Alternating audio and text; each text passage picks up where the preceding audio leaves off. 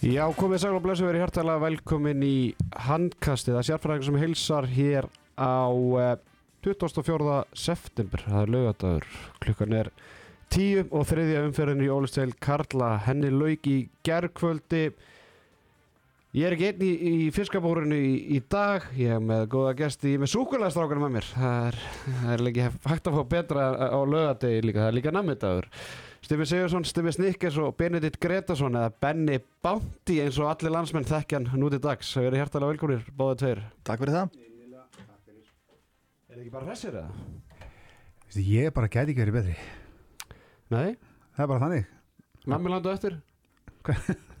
Já, já, namiland á eftir og bara, mér finnst bara frábært að svona gómur eins og ég fá að koma hérna líka sko. Ég er ekki með reynsli eftir sinni leikmaður eða þjálfari en ég er mikill áhuga maður um íþróttina og ég er ekkert að fara að segja ykkur að eitthvað lið tók áttfaldan tekka og snaröfu að njúka og eitthvað en, en ég get allavega að tjá mig um íþróttina sem ég elskar mig. Þá eru við mjög góða saman af Því ég er heldur ekki einhver tæklinu sérfræðingur. En Arna mun leiða okkur í gegnum þetta. Þannig að allir sem voru að býða þetta að Benny Bounty var að fara að tala um einhvern átvölda júka því getur bara slögt því miður núna. Já, það er ekki að fara að gerast. Herri strákar, við erum náttúrulega hérna í Já, í samstarfi við setnibilgjuna og, og Stöð 2 og Vodafone og okkur strákar, er þið ekki svolítið spenntir fyrir að vita það? Hver er Hugo?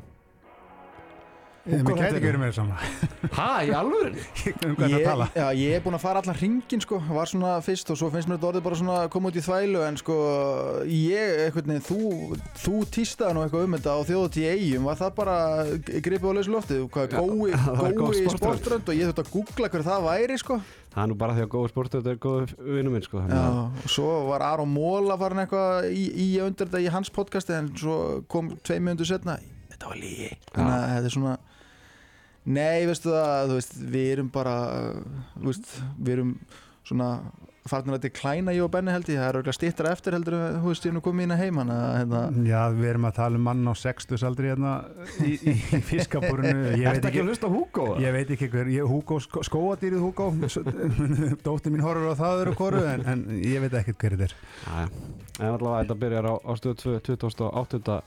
september og það er, ekki mikil eftirvænting hjá unga fólkinu á mínu aldri. já, heldur við munum fá okkur að stuðla á þetta Herra, það er góð spurning. það er búið að henda út, sko, þessi Rikki G. Rikki G? Já, það er búið að henda út alls konar vittlýsingum í loftið, sko. Já, já. Ekki það að hann sé vittlýsingur að Rikki en þú veist, ég er búin að heyra alls konar nöfn nefnd, sko. Herra, strákar, við ætlum ekki að fara, þetta er ekki ánum tónlistaþáttur, þó að það væri nú gaman að fá aðeins að vita hvað Benny Bondi hlustar á, á góðu lögutaskvöldi með raukt í glasi, en, en það verður að býða betri tíma. Strákar, við ætlum að vinda okkur í þetta, við ætlum að fara yfir leikin í þriði umferðinni, ég er ekkert eðla spenntur fyrir þessu þætti, þetta var frábær umferð og til að toppa allt sem hægt er að toppa þá mætir naflin hérna í lókþáttar og við ætlum aðeins að ræða Grill 66 deildina. Það voru já, það voru ótrúlega fréttir sem að bárust þaðan í gær. Andri Berg Karlsson, hann mættir í víkina. Í því líku mættir, stand hann mættir í sagumýruna já, í því líku stand Já, geðu ykkur Herri strákar, förum bara beint í þetta. FH Valur 28-33 fyrir Val Styrmi Sigursson, af hverju vann Valur þennan leik? þeir eru betri í handbólta betra formi, betur spilandi bara, þú veist, allt eru með betri menn í öllum stöðum eins og staðan er í dag þannig að, já, ég myndi segja að það verður svona uh, helstu punktunir úr, úr þessum leik, sko mér fannst þetta aldrei verið í hættu, FH komst aftur inn í leikin hann að eftir að Valur hvað ég fyrir áleika var Valur komin í 6 marka fórust og ég hugsaði bara, ok, þessi leikur er búinn svo hérna hleypa valsaraði minni em verða pí- pínu kærlaus FH skora fjögur mörg bara á einn og hálfri mínútu eða eitthvað.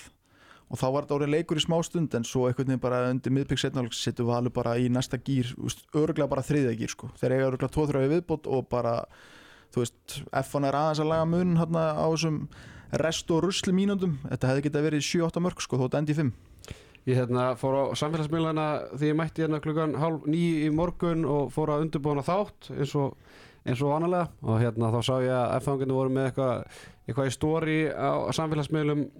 Mikil uppbytun, það var eitthvað svona Oktoberfest stemming og, og brattúst og voða stemming og svo náttúrulega bara upp, sínda aðeins voru uppbytun og svo bara lokatablan 28-33 sigur vals.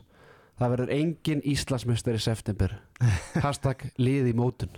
Benny, Já, ég bara ber virðingu fyrir svona. Þetta er bara skemmtilegt. Ég er alveg sammálað sem að Stimmi var að segja hérna, ég hafði aldrei á tilfinningunni að Valur væri að fara að missa hennar leik. Alveg saman hvað FH var að ráðast á það og eins og myndist á að nefndi lók fyrir áleiks bara eins óvalslegt og það getur orðið sákabli en FH-garnir eru vissulega í mótun og, og þeir eru svona að reyna að finna taktin sérstaklega í miðri vörninni og Áskir hafi komið ágætlega inn á þetta í útsendingunni gæra, þeir voru hinga og þangað og vissi ekki alveg hvert er þetta að fara og hver þetta að sækja og hver þetta að standa og og valsmenn auðvitað verandi með þessa leikmenn þetta er bara veistla sko og, og bara besta liðið á Íslandi dag saman hvað Gaupir segir. Þokkar hérna umali Jón Gunnars í setjabölginni gær þau vöktu svona smá artikli þar að tala um að FH ekki að tala um erfiða byrjun þegar liðið mæti stjórnuna heima allir afturleiku útöðalli og val heima. Ég var nú bara nokkuð sammála þessu þú veist af því að núna var ég að þjálfa þessar deilt þú veist FH þetta var liðið sem að mér þótti hvað erfiðast að mæta og þú veist frábæra markmann veist með áspjöld hérna, Fredriksson sem bara stjórna sóknuleikum sem er með ma- marga eiginleika. Veist, Benny þú ert með skýringuna á þessu öllu saman. Það er náttúrulega Gústi Birgis. Já, guð með góðu hvað er saknað hans? Hérna, líkingu í gær? Já, hann, hérna, þeir sakna hans eins og Rose sakna Jack í Ti- Titanic. Hann gústi sökk bara hann að frosinnir á botnin eða sko hann er búin að standa sér þokkalega hann Jón Bjarni á línunni en bæði varnarlega og sóknarlega þá er þetta algjör líkil maður fyrir FH og þeir verða að fá hann tilbaka sem fyrst, ég veit ekki alveg hvað staðan er fór í aðgerð, hvernig hann kemur tilbaka en á meðan að hann er utan vallar þá verður þetta bras og þeir verða svona tíma að finna taktin. Mest, þeir eru búin að ganga því vísu að vera með Ísak og Gústa í miðjunni bara árum saman og það er hansi þægilegt og svo voru þeir með Freysa og, og fleiri í bakverðunum þannig að þetta var held í þéttu pakki og dölur fyrir aftan. Núna þarf bara Steini að, að finna upp hjólið í smá snundi viðbót og ég hef yngar ágjör að FH þeir verða fínir sko. Sérstaklega þegar Gústi, Gústi Jack kemur tilbaka Þetta hauka maður að tala núna?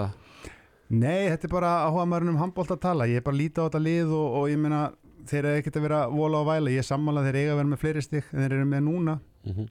Sérstaklega, veist, ég, ég leit á stjörnuna fyrir tímabilið og leist vel á og sá það í fyrsta leik og þá sem svona, ok, FH getur alveg tapa fyrir þessu stjörnuliði en svona með hvað stjarnan er búin að sína síðan þá, þá hefði nú krafist þess að FH myndi allavega ná eitt slið þar. Meira um það síðar? Já, En mér er svona eina jáka kannski sem F og Steini og þeir eru að gera. Mér er svona aðeins að vera að rúlla á liðinu meira heldur en undanfæri ár. þú veist, þannig að þeir lendi ekki að vegg í úslitakeppnina sem allir eru bara búnir á því bara veist, út úr gasaður og bara e eigi ekki orku eftir, hann er aðeins að rúlla menna ási bara er út að meira og minna allan fyriráleikin í ger mögulega líka út af því að hann var bara ekki nógu góður en mér er það svona að vera að reyna að koma fleiri leikmönnum inn í nýta allan 12-14 manna hóp sem hann er með á bekknum og svona gefa þeim hérna mínútur. En þessi ummáli Jóa ekki veist F á kannski með eitt, veist, eða þeir eru unnið afturrætningu væri öruglega bara temmilega sáttir. Ég held að sé engin endilega eitthvað gönn og stiga múti val. Minna Egil Magg er búin að eiga við meðsla stríða eins og undanfærin átta ár. Þú veist, þeir eru bara ennþá einhvern veginn að spila sér saman. Mér fannst þeir bara ekkert koma tilbúinir inn í þetta tímabil þú veist, og, og þetta mun taka tíma en eins og Benni segi, þeir munu alltaf sækja sín stiga múti þessum lagari liðum í dildinni mm Sjáum hvað setur. Jakob Martin Áskis á að markaðistur F-fangur með 6 mörg og Áspjöld Friðriksson 5 mörg þar af e- eða fjögur vítum, hann var með eitt mark úr opnum leik, talandum Egil Magnússon hann var með 2, 9 og 3 Já. tapa bolta eins og leik uh, í leiknum mútið stjórnuna með þrjú mörg úr sjö skotum var náttúrulega ekki með í leiknum mútið aftur, afturöldingu Styrmið, þú svona nefndir aðeins Egil Magnússon eftir hverju eru menn að býða? ég bara hreinlega veit það ekki þú veist, þetta er svolítið svona að minni mig stundum á hérna góðu félag okkar Agnar Jón Agnarsson sem að spilaði með mér í stjórnun og var hér í gróttinni veist, hann er annarkvort on eða ekki.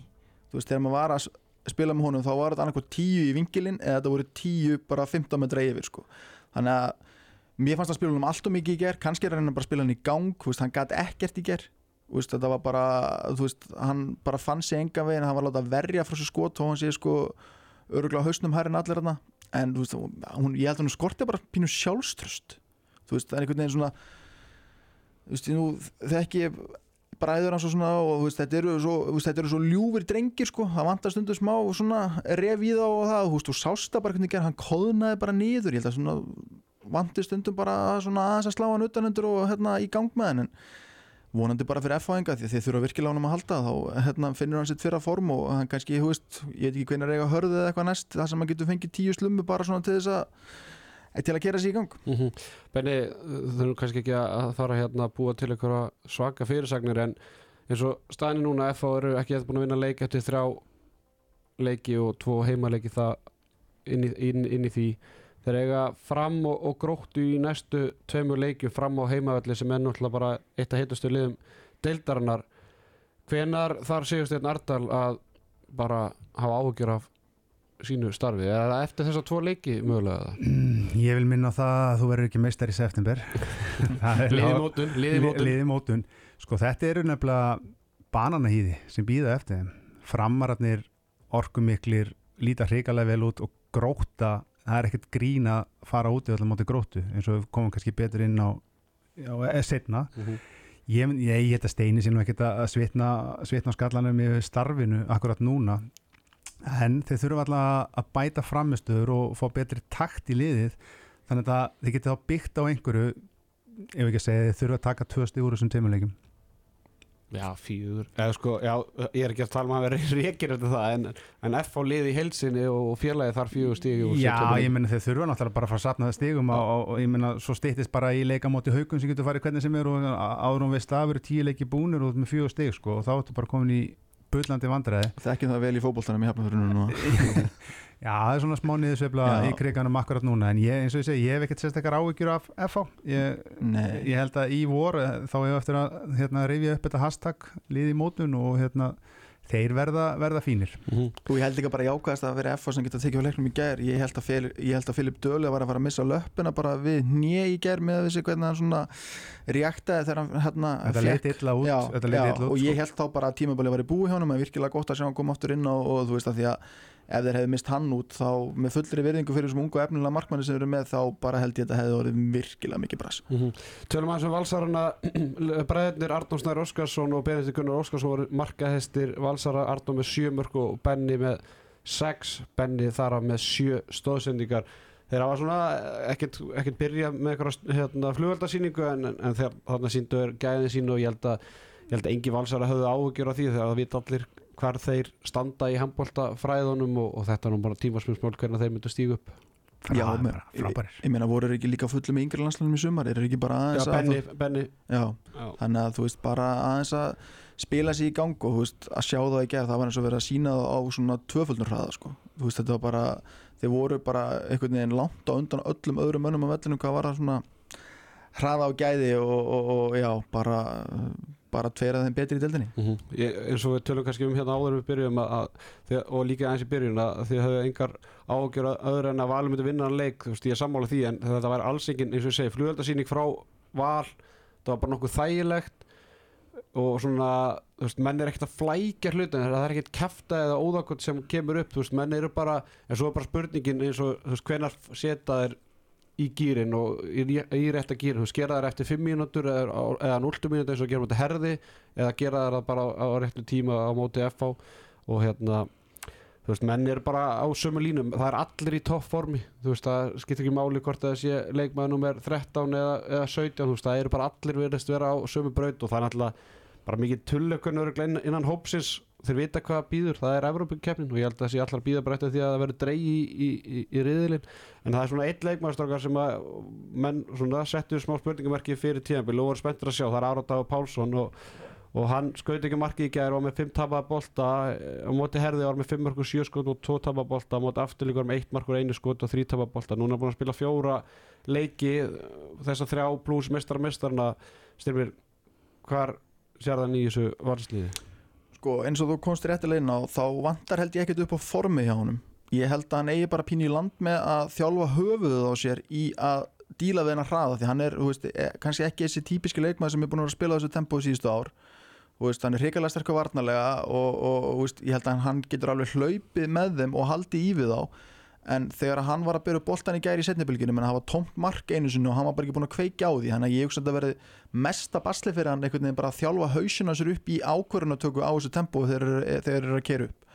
Og hvort að það takist, jú, öruglega með tíð og tíma en ég gæti alveg trú að þetta verði bast fyrir hann allavega fram yfir áramót bara að svona, já, að því að þessi valsar eru nú hvað búin að vera saman í þessu systemi í 2-3 ár. Mhm. þannig að þú veist, ég er svo sem ekki að búast við að, að þetta myndi taka hann 1-2 mánuði en, en, en maður sá alveg bersýnilega í gær hvað hann átti í, í rauninni vandræði með tökja á hraðanum. Hann held í við þá en svo þegar hausinn þurfti að fara að kikka inn hvert átt að senda þá bara, já þá einhvern veginn frausan og kastaði boltanum eins og sig, hvað, fjórum-fimm sinum frá sér í gær? Sem F fengu Fimm sinnum. breyki bakið, já, fimm sinum Herru, strákar, ég held að við sem skilum við þennan leik, við þurfum að láta þetta aðeins ganga uh, vindum okkur í sumabústaðaferð við erum strákarnir í sumabústaðaferð í Úlfarsáldalinn þar sem að framarar unnu afturhælgu 28 26 í háspennu lífsættu þar sem að Ólaf Breim hann nánast bara klára hann að leik fyrir framara.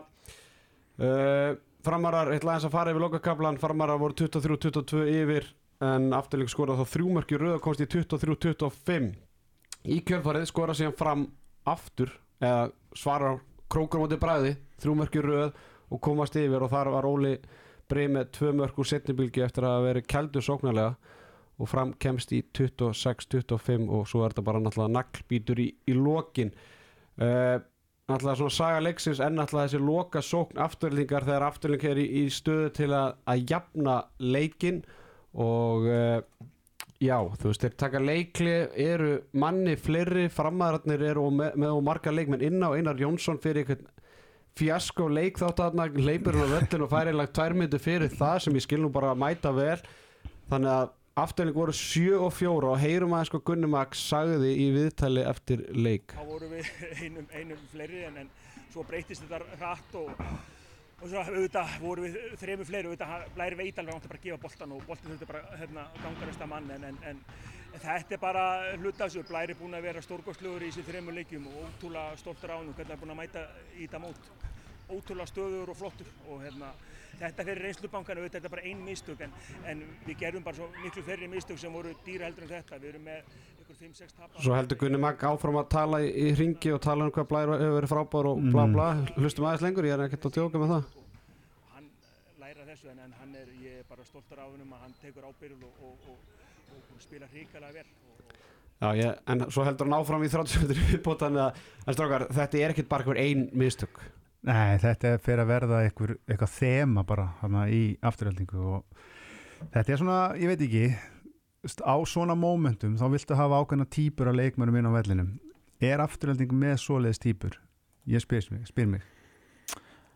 í svona fljóttaliti nei en sko það sem stingur eða mest í þessu viðtali á mér er að hann er bara að skella þessu á blæ þjálfarinn tekur leikli það eru tíu sekundur eftir sett eitthvað upp Já, hann hefur væntalega bara látið bolta bara fljóta og finni fríamannin ég, ég meina, Þú veist, Blær, ekki, ekki hvað er hann, dripla 21 beint í árs hvað er hann 21 og, og bara skellu svo hann. Takt þú ábyrð búin að vera aðstofþjálfur með aðlandslið og búin að vera í þessu 20 þegar, veist, takt þú ábyrð á þessu, hvað settir upp hann, Ég held að hann hafi sett upp að hann ætti að senda eða sko Þorsteinn Lefa eða ætti að klára þetta en, en Þorsteinn Gauti hann gerir vel og köttar hann út þarna og, og hérna þá kannski breytist leiklarnið Jú, já, sjálfsög Gunni Mag setti pottet eitthvað upp en þá voru þeir líka sek, eða sko 7 múti hérna 5 og svo allt inn breytist í 7 og 4 Ég- hvað- Gunni Mag hvað þetta er náttúrulega bara blær missir boltan sko, þú veist það er ennþá okkur að 4, 5, 6 sekundur eftir, hann átti ekki, hann átti ekki að drippla sko, hann átti alltaf að senda boltan já ég bara, veist, hefði viljað sjá hans að bara taka hans meira ábyrð á þessu, bara persónulega. Hamza Kablúti eða? Já, bara sko, bottom line eins og segir Arnar, þá hérna þá þetta bara blæri ekki að drippla sig á versta mögulega stað á vellinum akkurat á því með mann fyrir fram að sig það þýðir að það voru fjórir lausir í kringum Já, sko. fyrir utan það eins og kemur inn að þá er Gauti búin að fara út úr vörninni, það er eftirstanda þrýr þannig að fyndu bara fríamannin og áfram gakk sko. Þetta er bara eitthvað sem ég, ég þól ekki þess að klýsa þetta fyrir reynslubankan hversu stór er þessi reynslubanki? Veist, hvað ætlar að sapna mikið í hann? Þú verður bara að fara að læra af þessu og hætt að gera þetta. Já, hvað er þá líka Gunni Maggo með marga leikir reynslubanka? Þeir voru eitthvað 11 í fyrra eða eitthvað sem voru, þarna sem, sem voru naglbítar. Og alltaf einhvern veginn er Gunni Magg og hans lið öfugu megin í þessum naglbítum. Já, þetta er kannski bara eitthvað í DNA-inu á, á leikmönnum, klubnum ég veit ekki hvað það er en þú veist, það er bara að þeir eiga rosalega erfitt með að höndla svona aðstæður, að vera nálagt í að vinna, nálagt í að fá eitthvað út úr hlutunum.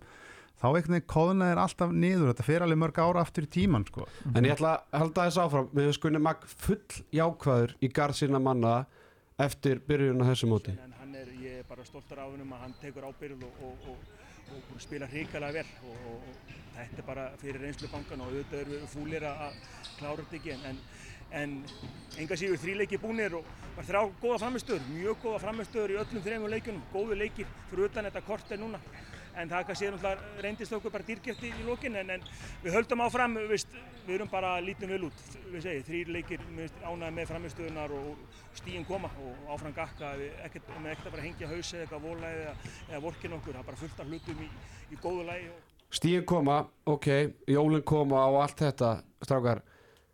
Þú veist, stíin koma ekkert að sjálfu sér sko. Þú veist, þú ver, þú, þeir eru búin að vera í þremur naglbítum hérna og ég þekki það nú ágætlega ég var í nokkur naglbítum hérna þú veist, maður mað þarf að klára þessa leiki til að stíin koma, það er bara nokkuð ljóst og þarna hefði stíð geta komið en þeir klúðra því algjörlega og, og, og það er ekki hægt að fá betur að færa heldur 7.4 þegar það er 10 sendur eftir. Nei, þannig að er þetta ekki full mikið í ákveðinu og ég veit það er lítið sjálfstörst í liðin og hann er að reyna einhvern veginn sko. En þú ert ekki að tala við leikmenn í viðtali sko. Þú ert að tala við stuðnismenn og, og fólk sem er að fylgjast með þessu og okkur sem er að, að gre- greina þetta og svona. Þú getur sagt, eða skilur mig þú veist þetta fyrir mér full mikið jákvæðni eftir eitt stig í fyrstu þreymur leikjum. Sko að vissuleiti já uh, þeir, hafa, þeir hafa alveg litið ágætlega út. Já já, en ég meina en stíði kom ekki með svona sko. Ég lit líka ágætlega út á Astro sko 50 helgar í röð en ég, þú veist það gerðist ekkert. Þannig að bara áfram gakk með það. En, en sko afturrætting þar það er svo margt í þeirra leik sem að svona, veist, ég var að segja eins og blöðarinn sko átni breið, ég var að segja þeir eigi hann inni er þetta ekki, er ekki, er ekki markaðasti leikmaður mótsins fyrir tveimur árum síðan? Jú. hann er bara út á þekju eins og sta- staðan er núna. Hann er með eitthvað 2-3 mörka meðaldæli 30% nýtingu. Þetta er búin að spila svolítið mikið fyrir utan og allt það. Þeir þurfa að fá þennan mann í gang. Þeir eru það lið sem fá fæst hraðablöp í dildinni samkvæmt Happy Stats eru að fá okkur eitt hraðablöp að meðaldæli leik.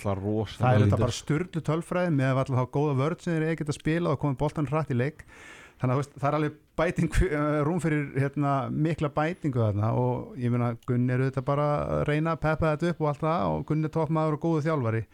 En þetta er ekki ásættilegt að vera með eitt stíð þrjáleiki með hvernig leikinni hafa spilast. En menna, er þetta ekki bara eins og félagar er í hafnaförum, er þetta ekki bara liði í mótur, menna, þeir eru búin líka alveg með hörku prógram ef við, erum að horfa á þannig og við skulum bara segja eins og er að þú hafður ekki miklu að trúa afturhendingu fyrir þetta tímabil Nei, og mér finnst þið búin að vera betri heldur en eins og þú talaðir um bara þegar við vorum að hittast þarna á sumarmánuðum Já, sko, trúi mín var ekki endilega að það væri lélegir, var bara heldur það var engin, það, sko liðið var ekkert lélegt í fyrra, það bara náði ekki mm. Sigurana og voru að gera jættefli við erum að tala um sama lið og, og besta félagskeptum þeirri sumar er að fá Stefán Ottarsson sem aðstofþjálfari og þú veist, ég held að það sé breytingi sem hefur átt sér stað fyrstu þreymur umfyrir, það er stemmingin og allt þetta en það er samt ekki að skila þeim þessu sigurum.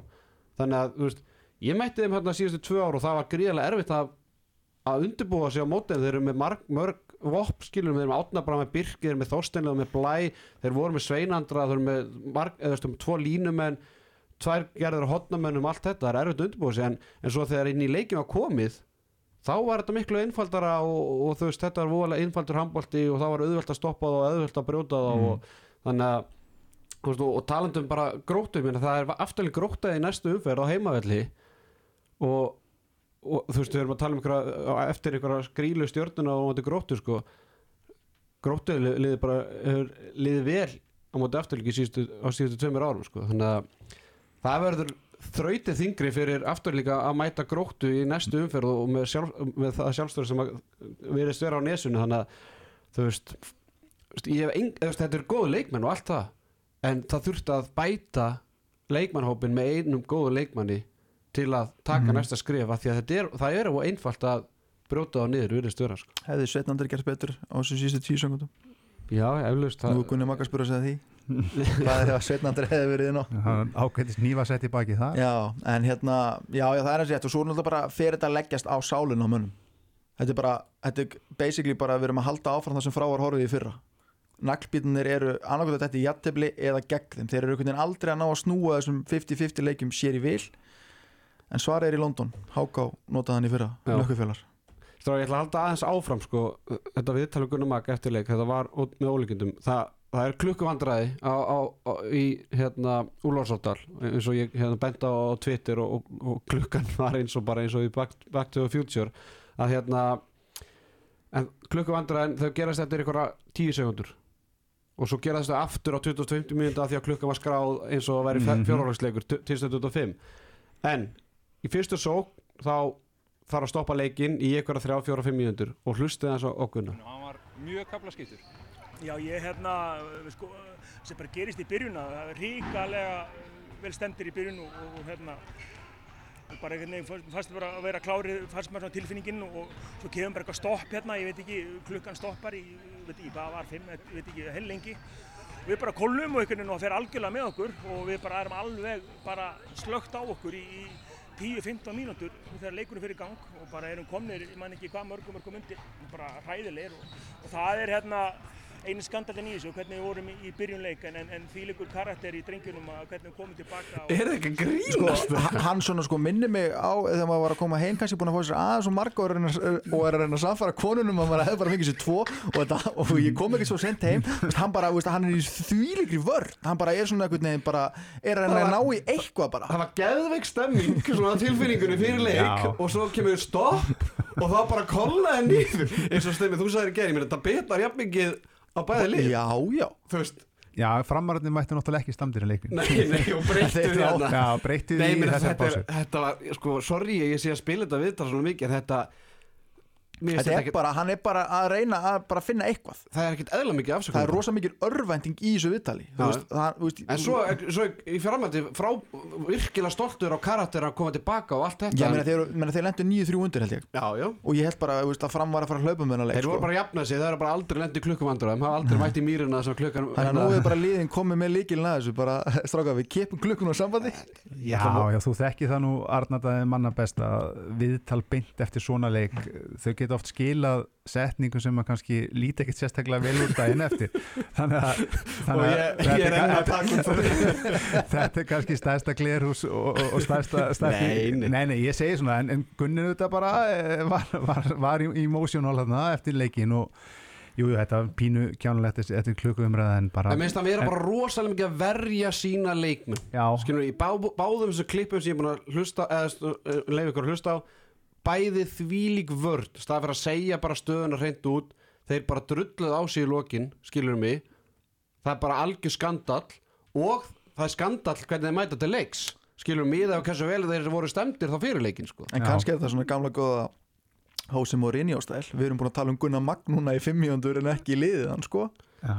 Já, jú, við erum búin að tala um hérna hitt og þetta. Tölum aðeins um fram Já, Já, þeir unnu jú leikin Þeir unnu leikinn og, og hérna gerðu bara nokkuð vel eins og ég sagði að Óli Breim hann alltaf bara, þú veist já, hann bara kveikti aftur í þeim að því að þeir voru bara í vandræðum sóknarlega og þeir ná, náðu þarna tveimur vörnum eða fá reyndari marka á svo hann skor úr setjubilgju og svo skora hann aftur eftir að unnu boltan og, og svo vinnur alltaf leikið með því að vinna boltan í algjörðu í lokin en Þorsteinn Gauti, var markaðistu framar með 6 mörg úr 12 skotum og Ólaður Breim var næstu með 5 mörg Luka með fjögur, Ásand Reyni sem var með fjögur mörg allt úr vítum. Framarnir þeir eru bara heldur segir með stóran og breiðan hóp. Og jafnan. Svona, Já. sjáu það, þú ofjaflan Nei, það er ekki að sjá. Nei. sko við erum, vorum að tala um að, að valsmenn væri klálega með besta lið. Sko ég tók þetta aðeins saman sko það eru 12 leikmenn hjá val sem að minnst okkur skora eitt marka meðaltileik. Framar er í öðru sæti með 11 leikmenn. Þannig að einar er að ná að reyfa hópin sem vel Mhm. og, og veist, eins og að koma inn að breyka dags til dæmis? Já breki eiga hann inni. Kemst hann í hóp eða? já ef hann er í formi sem er mjög ólíklegt. En hérna veist, ég meina Ívar frábær í einum leik hann byrjar ekki einu sinni þannig leika Nei, hann- hann- hann hann það er alveg breytt þarna og það eru bara þú veist, eina spurningamerki sem ég set sem margir hafa verið að setja það er þarna flumóðskipið þarna á línunni. Marko, hann skoraði. Það skoraði tvö. Nú var ég gaman að gefa þetta að gefa nú gott klapp hérna. Já, en sko, maður spyrir sig sko að fá atvinnumann, ég efast um að sé á okkur um sko Lionel Messi launum þarna, en, en Hann er á Mbappe launum hann er Mbappe launum en að vera með línumann sem er að skila einu markja meðaltali fyrir þig og 43% nýtingu Mhm. er það bóðilegt Nei, eina sem að þeir geta kannski réttlætt er bara kannski að hann sé þá að búa til einhver moment annar hann tekur svo mikið sín sko, já, þú ert í baráttu við, þú veist, við hennar rum og þá geta skiptin að koma nær Ég ætla að gefa mig það að undurbúningu fyrir framarina fyrir anstæðingar fyrir fyrstu tvær þrjóðumfyrirnar var þessi línumæður, skilur mig. Og svo getur vel verið að Já. einbytt ekki farið Þorstum Gauta eða Óla Brim eða Lúka Næskin og þá kannski opnast meira momentu eins og Ásker Jóns sagði í síðasta þætti að hann nú fannst að vera ríkju mikið þú veist, auðvitað er þetta bara línumæður sem á bara að liggja á okkur hotnamennu og þá bara koma upp þetta innleysing og allt þetta. Þannig að, en ég er alveg sammálað að hann er ekki að skila því sem að búist var á við honum. En samaskapi er Lúka kannski búin að stíga meira upp af því að væntinganda fyrir hann og þær dvínuð með hverjum deginum og hverja æfingunum sem var Júlasvartal í aðduranda mót sko. Já, það er, það er spilari sko hann, Ha. hann kann alveg handbólta Algjör- soka sammála því, sko. Elli Bó eins og, og sem við vilja kalla eða hann Sveitnar og Sveinsson jáfnvel það var líka einhver viðlíking á því sko. en eins og sé, hann hérna kollegi okkar í setnibylgjunni, hann Jóhann Gunnar hann fór líka vel yfir þetta í gær með bara þetta er einfaldur sóknarleikur hjá fram Já, það er bara raun einfald stöðuskipting milli skipt og miðumans og svo bara farið í árás. Ég held þú sér kannski ekkert með leikmenn til að flækja hlutuna líka Nei, sko. en þú veist, og þeir, alltaf þeir fóru í árás þá komist þeir niður á 8-9 metra út af því að þeir voru svo mikið að binda Marko á að ég, ég held hann að nýtast þeim þó ég sé kannski ekki að sjá það í þessum þessum tölfræði þáttum sem við erum að skoða skilur með mörg skor og Meina, hann, ætti öruglega að fá eitthvað sköpu færi bara fyrir það að vera búin að læsa þristana á 6 metra og, og hérna gefa skittanum séns til að koma nær og en, en eina sem að, sem að veist, þessar klippur sem Jókunar síndi í gær auðvitað, þá komu mörg sko en þú veist þeir skora bara 28 mörg í þessu leik þar af þrjúr setni bylgi bara í lokin og þeir lendi í köplum sem að ekkert gekk sko. Þannig að ég er svona svolítið hrættur um að, veist, að það verður auðvelt að, að stöðva þannig að sóknarleika þeir ætla að spila þetta bara til lengdar sko því að Já, þeir þurfa náttúrulega að fá mikið af mörgum bara úr hraðanum sínum. Þeir eru að reyna og að gera það. og það er áhugaverð tölfræði, ég hef mikið tölfræði nörd sko, að hérna framararnir eru neðstir í dildinni þegar kemur að löglegum stöðunum Já, þeir, ég sem mitt sá það að hoppist það þeir náðu allir tíu í leiknum þeir hérna. eru með 12 meðatali sem er í raun og veru fárlega lítið Ég sko. bara, ég ég nefndi eiginlega ekki að taka hann að punta því ég trúði ekki að það var rétt sko. Já, það er, það, svo er það auðvitað annar vinkill sko, hvort að Hobby Stats sé alltaf korrétt sko, stundum eh, upplifum maður eitthvað gæja með 11 stóðsendingar og hann með eina skráða sko, Hobby Stats en, en þú veist, ég menna framararnir líta miklu, miklu betur út en ég þorði að vona sko. maður vissi ekki alveg hvað er að vara að fara þeir mistu, mistu færisku tenginguna sína og, og svona er að fara í nýtt hús og, og, og svona hitt og þetta en þetta lítur bara helviti vel út hjá þeim Mhm. so far Skemmtilegt verkefni framöndan í, í næstu umferð þegar þeir mæta FH Já, það verður ros, næsta umferð lítur bara ekkert eðlilega safaríkt út sko. Það er eiginlega bara ótrúlegt að, þú veist, ég held ég sé búin að segja þetta fyrir hver einustu umferð það, það er það eru sögulínur í nánast hverju einustu umferð, tvær, þrjár Já, Mhm. stjarnan haukar og veist, það er fullt af hörður í er næstu umferð og, og hérna, förum að síður það eftir en stemmir eitthvað við, við þetta að bæta framarni þeir bara er að safna stigum og, og ég meina, þú veist, ef eitthvað liðir í mótun ég meina, þetta er það lið sem fekk held í flestu leikmenn til liðsins, sko, þannig að Mhm. þú veist ef eitthvað er þá verða þeir bara betur og betur með hverju, hverju umferðin sem að líður Já, og bara lítur hrikalega vel út en þú veist, ég ætla samt að halda með það hvað held ég, við sett á í sjötta setið eða eitthvað. Ég held er, þú veist, Já, við vorum hérna 6-10 já, já við sett, ég held að þeirra samt endaði í sjötta seti það voru öll nema, Já, en- nema þessi fjögur en, bestu. en, en þú veist, ég ætla kannski ekki að deila skoðun Gaupa sem að var hérna höfður í síðustu viku með þeirri verið í topp fjórum en svona, Nei, ég ætla að sjá það svona þeirra og, þú veist, og svo þeirra fyrsta tapi kemur hvernig bregðast við því og fleira. Að, hérna, en þetta lítur hrikalega vel út þeim og bara góður andi yfir klubnum eftir að vera komin á nýjan stað og svona Algjörlega sammála því. Herri strákar, förum á nesi þar sem að grót Nei, sleppum því bara. Já, sleppa nesinu. Já, sleppa nesinu. Það, einmitt, þú ættir bara að sjá með þennan leik sko, þannig að bara góða skemmtun styrmið með takeover. Herðu, stjarnan uh, mætti í hertsvellina þar sem að gróta vann 29 28 þar sem Andrið Þór Helgason hann, hann er ennþá á lífi og markaðastu grótum hann með 7 mörgur, 8 skotum og Thijs Koch Sonnegard var með 7 mörg einnig hjá stjörnunni þar var Björgur Þór Hálgesson atkvæðamestu með 12 mörg stjarnan á eða sko, stjarnan að vera stjarnan á nesunu þetta er svona fyrirsögnin mín fyrir þennan leik. Uh, frá því að gróta kom upp um deild fyrir þreymur árum þá er þetta gengið stjörnun á nesunu jattefli, tap og tap.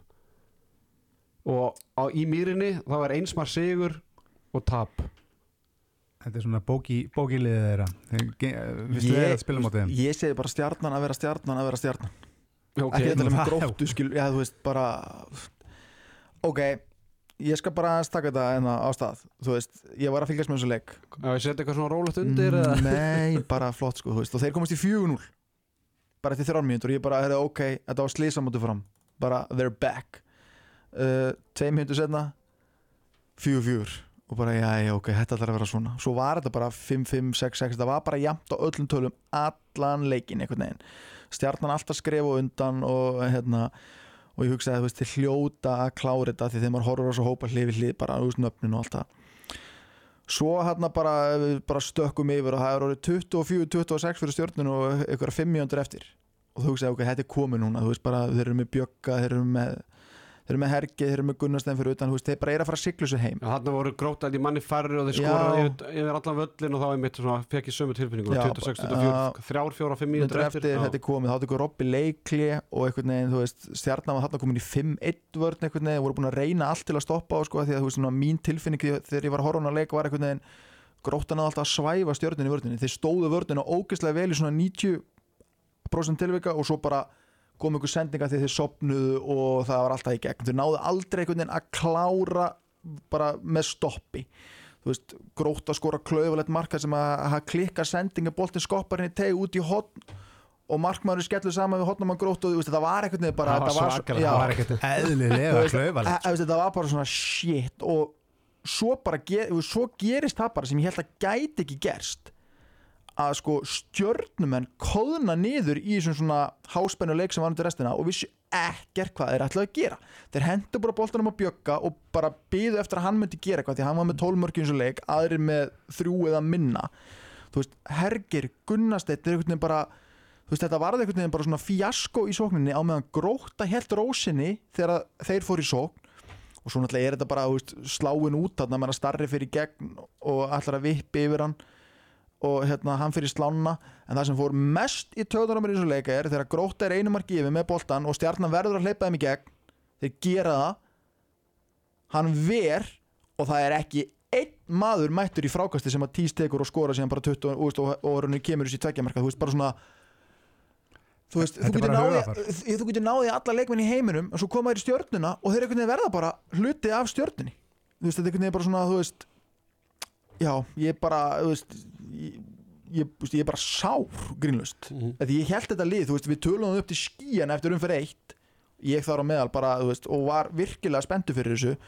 Framleikurinn, allt er góð, þú veist, náðu, veist, náðu ósangjöndum jættibli og ég held að myndi svona rétt að segja við þetta en svo bara, þú veist, tapmóti gróttu. Og þú veist, hvað, þeir eru í sjöðarsæti Hei, virðingu takk. Nei, þú veist, já, stjarnan á að vinna gróttu. Nei, víst. Þeir eiga, jú, þeir eiga ekki með það söguna. Nei, Sagan með netgírum ef, ef að maður væri í Championship Manager handbólta og þá ætti stjarnan alltaf að vinna gróttu Já. já, með við það sem að stendur á papirnum en ég minna að þú veist eins og Arnardagi kom inn á gróttan virðist bara hafa ágætist tökka þeim og, og meðan að tveir af bestu leikmunni dildarinnar eins og er endalast verið að tala um og meðan þeir eru með fretið upp á bak Hergir og Tandri þá, þá bara verður þetta svona hjá stjórninni þeir bara, þeirra bestu leikmenn þeir verða bara að stíga upp og þeir eru ekki að gera það, meina, þá endur þetta bara svona. Það er þetta að Tandra Már Konraksson sem var með 2 mörgur, 5 skotum í þessu leik 3 mörgur, 11 skotum á móti, móti fram í aðtefli í síðustu umferð og á móti FH þá var hann eh, já, með 0 mörgur 4 skotum. Hann er bara búin að vera, ég, maður veit auðvitað ekkert all, alla söguna sko, það getur vel verið að hann sé að glíma við eitthvað, eitthvað meðsli eða eitthvað slíkt en að Tandri Már Konrásson sé með 1,7 mark að meðaltali á 25% nýtingu það er eiginlega bara skandal og, líka, og líka gegn þessum liðum með Já, aftur og fullri og virðingu. þetta er ekki valur og, og Nei, hann var ekki að spila út í eigum sko. Og svo ættum við Herger Grímsson bestu félagskipti Íslandsögunar svona í haust sko tvömörk og bara flatur og áhuga lítill og, og veist, hvað er Herger Grímsson sem við sáum í Selfossi sem bara pungurinn á honum sko passaði ekki í buksutna sko. Mhm. Þú veist, ég, ég skil ekki alveg hvað er að gerast þarna því að veist, ef einhver maður geti kveikt nista og kveikt smá svona hug í mönnum þá er það Patrik og Jóhannesson. Og þannig eftir líka að tala um tvo leikmenn sem er að koma úr hauskupuleikum átti fram þú veist, Herger var með, Mhm. nú, eða, sko, skora ekki mark og með fjóra tapaða bolta í síðasta leik og eins og ég sagði, hann tandar með þrjú, þrjú mörkur 11 skotum út fram og fjóra tapaða bolta þannig að ég held bara í þetta var ekki 4-0 leikurinn já. Já, ég held bara í 4-0 bara að stjarnan er að fara malbygg og bara sína þeim hvað eru miklu betri en svo bara, þú veist eins og grótti búin að gera síðustu ár, bara mjatla þeir hægt og rólega inn í leikin og þeir eru svona eins og kúkurinn sem vill ekki styrtast niður sko, þeir eru alltaf þú veist, Já, já. veist að, bara þeir eru alltaf fljótandana þú veist, sama hvað reynir að, veist slíta þeir frá þeim, þeir koma alltaf tilbaka. Stjarnan komst oft tveimörkum yfir, bara að nú er þetta komið. Nei, grótti ekki með tvö í andlitaðum tilbaka. Er Sorpu ferð í dag, styrmir, að skila áskortinu í Sorpu?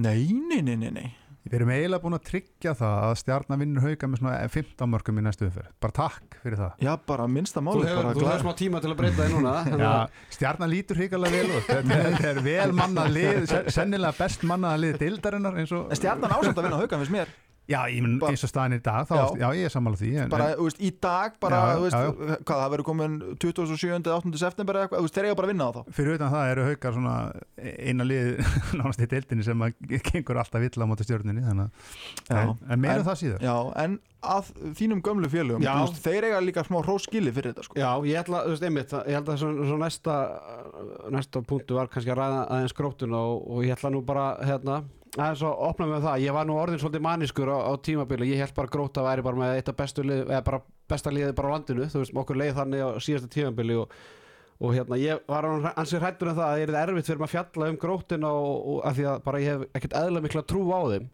Og ég held að það er að sýnt það núna bara, þú veist, nokkuð þæglu sigur í fyrstu umferð og svo tapaður um einu marki mútið Selfoss eða sem að það er bara með laska lið, þú veist, Japan var ekki klár og Lulli er búin að meittur og Griffin ekki klár og, og hérna hund svektur að tapa þeir leik og mæta bara stjórninu og bara steri bara í klötsleik eins og hafa verið undanfærin ár. Þannig að, þú veist, ég ætla að, þú veist, ég býð bara eftir að þeir fái þá virðingu sem eiga skilið, þú veist, þetta er ekki einhverjir gúbbifiskar, skilum við, þú veist, við erum, þú veist, að gróttan er með bara, þú veist, ég meina, við erum Andrar Þór Helgos við vinstur hotninu sem er búin að spila sér deild í 10-12 ár.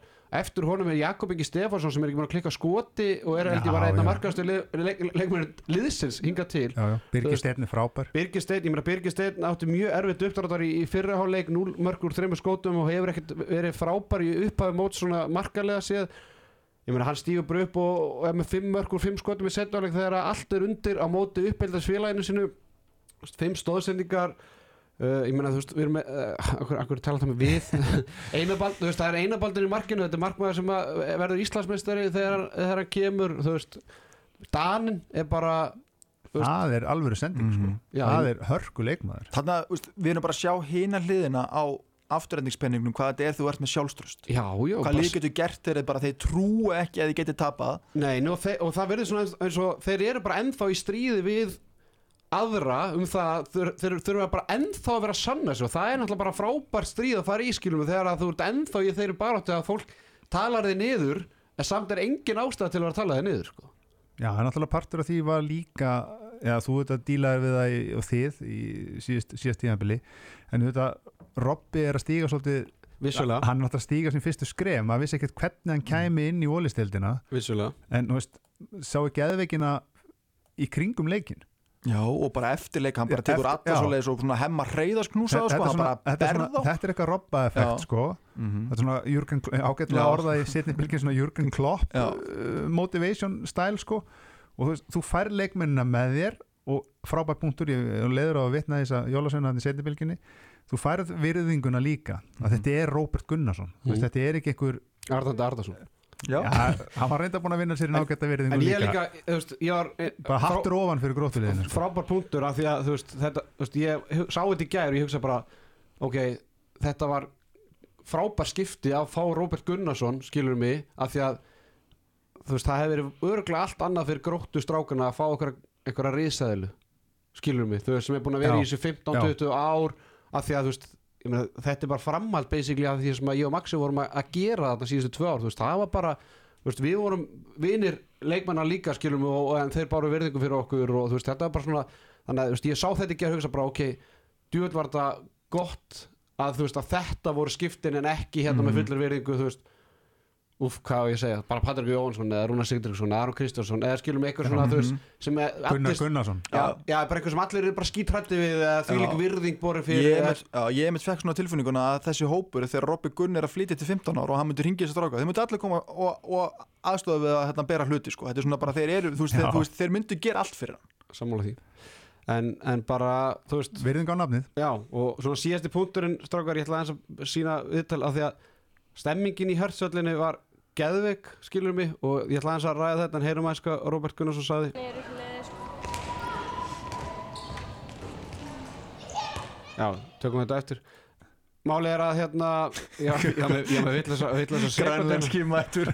Ég veit ekki hvað, akkur ég held þetta var þetta var Gunnar Vagn. Hérna, hérna, þetta er sér hlæðandi núna. Já, menn, það kemur þetta bara æðislega höll að spila í og frábæri áhörundur og, og hérna, það er bara stórkvæmslega að vera hérna og það smýtar sér bara inn á, inn á völlin og strákan eru náttúrulega bara, þeir gefa allt í þetta og ég get ekki beðið meira um, þú veist, hertshöllin þetta er, þetta er starð á íþróttúsi Þetta er Sem- fullkomin handbólta Já. leikvangur fyrir, Mm. leikvangur þetta er, fyrir þetta er bara eins og áskarður þetta er áskarðurinn bara Já. nákvæmlega Já. og þú, þú, þú, þú þarf 50 til 100 árandur og það er komið stemning Þú veist, við erum að tala um fram er að byggja nýtt hús í er að byggja nýtt hús Já. þú veist, uh, það er komið ásvellinir, skilur með körbóltasalurinn þarna og, og þú veist ekkert, og allt og gamall nýja salurinn í Mórselsbænum og þetta þetta eru í BF húsið, skilur með sem kom fyrir einhverjum 10-15 árum eitthvað þetta er allt og Þetta er alltaf stórt fyrir regular season þetta er svo svo stórt viltu hafa þetta þegar kemur að playoff sko. þá Já. viltu hafa þessi Já, hús þú getur líka að stappa þetta gróttuhús í Já, play-offs sko, já, þú já. veist, það er bara En Ég held kosturinn er auðvitað að þú getur verið með sko gaurin á kústinum og bara bekkurinn í stuði og það er geðu ykkur háfaði og stemmingan inni sko. Ásvöllum sko, þú veist, ég leiti í kringum mig bara guð mig góðu hvað er að gerast en svo taldi ég, það voru kannski 400 manns á leiknum. já, en, en, en alltaf gallin við þetta þú veist, þessi hús sem þú telja upp það er náttúrulega verið að byggja þetta til að hugsa um nýtingun og fleira æfingatíma. Já, en það þarf bara hvernig en hanna þetta þannig svona sirka eins og í er með þú veist, þau eru með tjald þarna fyrir aftan bæði mörkin til að þrengi þetta, þú veist, það þarf að hanna þetta einhvern veginn þannig að þú getur stækka síðan völlin þegar þú ert komin í úsleitukæf eða skilum við, þú veist, þó, ég meina haugarnir er ásveitlega, þau eru ekki fulli fyrir en sko bara í fimmtaleik í ottaseríu í úsleitunum eða skilum við, ef það sko. Ef að það, þannig að þú veist, þetta, veist, ég, það er ekki fara að breyta þessu núna sko, það er nóg anskotið að byggja eina eina þjóður Já, sko. ég ætlaði með þessi að tala bara félagin í framsók ég sá, ég sá um þetta Gústi var mættur á dæluna í kriganum í gerð en, veist, en svona er þetta, ég, ekki, ég held ég ekki að ljúga þú veist, í Nóri, skilum við, þú veist, þá er no- nokkur hús, skilum við, bara misstór eða skilum, svo er bara hægt að setja stúku fyrir aftan þegar það við og eins og í færiðum skilum við að, að þú veist, auðvitað væri náttúrulega bara drauma scenari að haugætti myndi spila í strangut og stjarnan í áskar en myndi svo bara æfi í mýrinni eða þú myndi ná bara þú veist, í, í svona sammála. þú veist, en það bara kostar peninga Það kom, og við, það, kom hérna, það kom hugmyndi á haugum áður en að körbáltahúsi kom að kvennalið myndi spila í strangundinni. já, Það þver tóku fyrir það. Það fannst það bara niðurlegandi. já, ok Viljum freka vera með 100 manns upp í stúku sem Já, að já, það var bara bergmálar í húsinu eða þú veist, þú heyri bara, þú þú veist Já, þetta er, ég skil þetta að þetta er þeirra heimavöllur jafn mikið og kallaleysins og allt það en, en Það verður að búa samt til stemmingu fyrir liðið þitt, sko. já, ég veit það, ég skil það en til dæmis sem við förum yfir í körfuna sko, þar eru húsin svona fullkominni stærð til að halda upp í stemmingu. Það, já, eigin of lítið fyrir play-offs Já, sko. og lítið fyrir play-offsi, þá förum við hinn áttina sko með það, en, en þetta er alveg þetta er viðvarandi vandamál, ég menna mýrin við þú komst nú inn á hana aðeins að þetta, þetta, þú veist, það er alveg sama hvað er margir að inni það er alltaf tómt að inni, mm og veist, ég er bara ótrúlega ánaði fyrir hönd gróttu að eiga alvöru heimavöll, alvöru stemmingu og bara áfram gróta, áfram handbolti. ég er og gleitan fáin sem sakna samirina sko, mér varst bara, þú veist, geðvægt að spila víkin gamla, Savamýrin var skemmtileg í sér fá skipt sem einhver mætti. Já, já. Þegar mætingin var bara ekki nógu góðar sko. Það það, það var þetta búið til mjög góða stemmingu Mhm. á toppstærða af, af velli sammála því. Strákar fyrir mjög næsta leik. Haukar Salfoss 27-26 sigur. Hauka fyrir maður þessu tölfaraðina af, á eftir. Bánti af grunnu Haukar hann leik þeir unnu þennan leik uh, sko uh, þeir byggja þetta fínt forskot. Þannig að þegar áhlaupi kemur sem að var óhjákamilega að fara að gerast sjálfstöðustu kannski ekki mikið í liðinu akkurat núna þannig að þeir fengi á sig áhlaupi þá höfðu þeir alltaf smá buffer. Svo böðluðust þeir og böðluðust og ég ætla bara að fara í klísina þeir voru bara hefnari undir lokin. Selfinsíkarnir voru bara klaufar að fara ekki með allavega eitt ef ekki tvö stig úr þessum leik þeir fá endalist tækifæri til að ná sér í stigarna og hvernig þeir fóru með bara lokafærið til dæmis. Stefán Huldar auðvitað gerir vel og allt það en, en haugarnir voru alls ekki samfærandi í setni hálfleik og, og, og betur máið duga skal. Skora áttu mörki setnáleik Já, þeir eru bara staðir og selfinsingandi breyttu tölver þeir byrjuðu með einar og gumma í þristónum svo þeir voru búin að skipta og setja Sverri og tók Sverri smá stund að koma sér í gang. En þegar þeir voru konum með línuna sko, Sverrir og gummi í miðjunni einar og strópus í bakverunum þá var bara game over hjá andra má og, og hérna, Guðmundur Braga, þeir gáti ekki skotið yfir þessu vörn, ekki breyk sko. Andri Már Rúnarsson markaðistur haugamann með 6 mörk og Heimir Óli Heimisson með 5 Andri, Andri Már með 6 í fyrirháleik Já, 6 í fyrirháleik og gerði ekkert í setnáleik sko. hann náði ekki, náði ekki skjóta hann náði ekki, náði ekki gera neitt sko.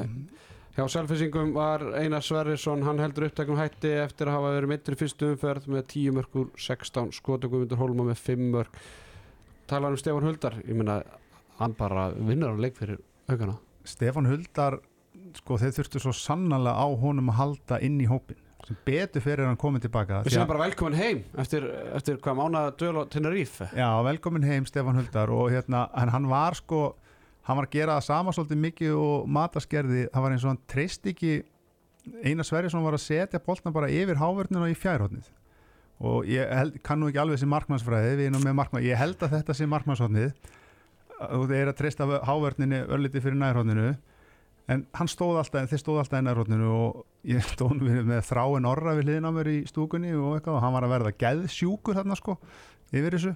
Og svo loksins á ögur stundu þá fer hann í fjærhóttnið og tekur langskott frá einari sverri sinni sem var hrikalega mikið vett en fram að því var hann, veist, svo allt í einu bara datt í gang og þetta var það sem munaði á liðunum það var þessi markvæsla mm. Sko, basic handbóltafræðin í gamla dag voru það að markmaður átti nær og vörnum fjær Það alltaf ekki bara hvernig menn en, standa en, sko. en Patrikur Jóhannesson kom svo með heim úr búndisleikunni að ég á bara að lesa hvora með hann fer við mann, Patti segi ég, bara ég hoppa beint upp mm. og svo lest þú bara hvora úst, fer að vinstra eða hæra með við mig og ég tek þá hot sem að raun og veru Það er bara beinu skotin En svo bara, já, þetta, svo fer líka bara, þú veist, er komin á miðin og tekur þú nær og, og markmann tekur fjær, þetta er alls konar hér, og þar. fóru ekki er ekki rétt munum með Selfoss klúraði tveim vítum á síðustu tímyndunum eða ekki? Jú, það þú er hrikalega mikið að víti stöðinu 24-24 já, þá faraði með og víti þeir eru og fleiri þar líka og bara, veist. Þeir voru ekki búin að vera yfir síðan bara alveg í byrjunleiks þeir hefði geta, ég hugsa að ef þeir farið yfir þá hefði þeir brotið ísin og, og klára hennar Mhm. leik því að haugarnir voru í alls konar vandræðan sóknarlega sko, Talandu um það, áhugjörðinnar á, á haugaliðinu svona fyrstu, eftir fyrstu þrjá, þrjá umfyrirnar. það sta- fyrst og fremst varnalega finnst mér miðjublokkinu þetta veist, þeir voru í þeirri stöði þessum leik að Adam var raun og veru eini maður sem var heill heilsu og gat spilað og 100% krafti í þristinum. Þar leðandi gátur ekki notað hann í sókninni mikið, en hann þurfti að koma inn á og skila, að hann var svo eini sem gat skotið yfir þessa vörn. Þeir þurfti bara að rótera Sigurður Jónsson, það ætlaði að nota hann mikið í þessum leik. Hann fekk gata hausinn daginn fyrir leik held ég á æfingu þannig að hann var átt Heimir Óli er klárlega ekki í formi til að spila mikið bæði sókn og vörn og við þurfum meira á hann að halda í raun og veru sóknarlega heldur en varnarlega. Þannig að þetta er alls konar vandræði svona varnarlega séð. Og bara sem betur fer fyrir hauka þá var allir ævar greinilega ekki heill því að hann spilaði ekkert í fyriráleik kemur inn á einhverja fjóra sóknir í setnáleik og setur sko blokkeringa sem að ég bara maður seeing is believing sko. Og ef hann hefði verið heill og spilanleik þá hefði verið alls konar vandræði fyrir haugana Það var hérna ótrúlega dómur strókar á 49. mínúti í stöðinu 24-24 þegar að það dæmdi Röðningur Einar Sverrisson en á sama tíma tvær mínútur á heimi Óla. Ég hef bara aldrei séð annað já, eins. já, þ- menn voru bara Og hann var sko langt inn í teig líka í þokkabót Já. þarna maður sem hann lendir á sko. Þannig að staðið fyrir að, fá þarna víti og tvær mínútur þá missur boltan en Já. fær tvær mínútur. Eh, þetta er bara rétt, þetta er Anton og Jónas þeir gerir ekki mistök, Nei, þetta er bara rétt. Þeir voru, þeir voru lesið bara dómarbókina betur, Já, þetta er eitthvað ég, ég er svolítið sammála því að hérna, þetta var mjög skrítið. Menn voru svona horfandi Þeim, það er bara það er og- tímyndir eftir þessu leik. Þetta er bara Þetta er crucial, eitt mark hér, að, hér og þar og, og þegar uppi staðið þá muna einu marki og sama þú veist þegar Selfoss dundra í, skeitinu og fer í engast. Já, ég skoðaði þetta aftur í gær. Fór þetta ekki Brynjólf eða? Ertu ekki að meina það þarna? nei, hann fyrir bara í döðafæri inn Já, ok. úr hægra hotni eða, já, cirka báti hægra hotni þrjuma bara boltanum í samskettin fjær og beint í engast og ég skoðaði þetta að mata sér langt frá því að koma en hann fagnar eins og hann hafi eins og markmann gera svolítið Já. oft. Og þá er bara hann, hann lítur á snertan, yngast Hækka prósunduna Já, á kostnæliðis ég hugsa hann hafi fengið var í skot út á þetta þá, því að lítur að vera. Það lítur að en vera. Þeir eru náttúrulega eigin hagsmenn að segja en vandamál líka hauka sko, ef, ef ég ætti að byggja ykkur að nefna eitt leikmann í haukalinu sem að alltaf deliverar, svona quiet assassin skilar alltaf sínu gegnum árin, fer ekki mikið fyrir alltaf til staðar, góðu varnarlega klára að færi sín, hvernig myndu Allir má bára Allir báru.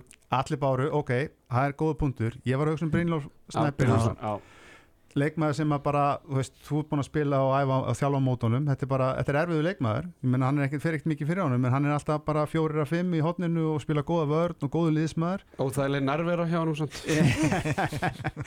hann er búin að vera algjörlega út á þekju það sem aðverð þessu tímabili. Alls ekki sá binni sem maður þekkir. Og, og hotnamenn hauka í þessum leik einna sjö, flest úr fínum færum. Það er bara galinn að- ef að ég má stökka hans en eh, fyrst við erum með Benna hérna veist, ég er búin að tala mikið um bara svona hvernig láteðuna yfir ásöllum og bara, þú veist, hvernig menn voru bara myndu ekki mæta fyrir Aron Kristjáns að flytja eftir tíu ár, sko, sem voru með honum í fyrra. Nei, Hvað, þú veist, hvernig finnst þér þetta núna? Mér finnst þetta bara að vera einhvern veginn svona pínu áframaldagi sama, þú veist. Mér að sáuðu fagnir eftir leik? Þetta var ekkit eðlilega vandrægalt og pínlegt Þú veist, þú ert að koma í leik eftir að tapa múti í er Þú vinnir hérna einsmar sigur á Selfossi sem þú áttur ekkert skilið Liðið einu hálf sekunda og þá fóru þeir eitthvað svona heldur áfram og var svona Herru, sleppið þessu bara frekar. Þetta gerist oft hjá þessum successful klubum að menn verða sattir og svona hérna, það, það verður bara erfiðar að halda upp í stemmingunni eftir sem árin líða og allt það. En, en ég er alveg sammála, það vantast nefndast pínu neista, mér finnst haugaliði verið búin að vera pínu flatt og þungt og svona andlust síðustu ár. Og, og hérna alltaf með gæði og alltaf segir en svona neistin og gleðin svolítið vantað ég bara vona að það gerir en svo leiti ég líka hægra með við mig sko, þá var Stefán Rapp og hérna Þráinorri og Aron. Veist, þarf ekki að fá pínu svona menn líka inn í hópin til að keira smá geðvik í gang og gera eitthvað sko ég veit það ekki, en sjátt á þetta á alla báru þið myndist á hann á hann, hann er bara að verða fínasti línumöður og hann þarf að spila línu núna í, á meðan staðin er svona. Mjög ánægð með það. Hann er svona svo svisnesku vasanhífur, skilur Þú getur eiginlega bara hent honum í hvaða stöðu sem er á vellinum og hann reddar þessu já, já, sko. hann var bara, hann var bara flottur. Svistnesku hvað segir Vasanhífur Já, ok, þessi var góður. Herru strákar, við ætlum ekki að ræða Selfoss alltaf mikið en, en það er svona ég held að ég sé neittur í það að spyrja hvern einasta sérfræðing eftir hvern þá, eða í hverjum þetta Nentu selfinsingar í þessum leik? þeir nefndi þessu, þeir voru bara þeir voru bara ekki nógu effektífir í sínum aðgerðum, það er voðalega var þetta fagmannlega sagt veist, það er bara að raungerast það sem að ég ætla að klappa sjálfur mér á baki það sem ég sagði í uppbytuna þettinum bilið á milli bestu manna og næstu er bara gíf, þú veist Selfoss var yfir um miðbygg fyrirháleiks með sína bestu inn og svo fara að rótera og þeir sem er koma inn á í staðin fyrir gummahólmar og það, þú veist, Já. næstu menn á blaði eru bara ekki nógu góður og þar byggja haukar upp þetta 5-6 marka veist, er hann hérna, að fórskot svo koma þær aftur inn á og þá byrjar þær aftur að mjalla þetta niður.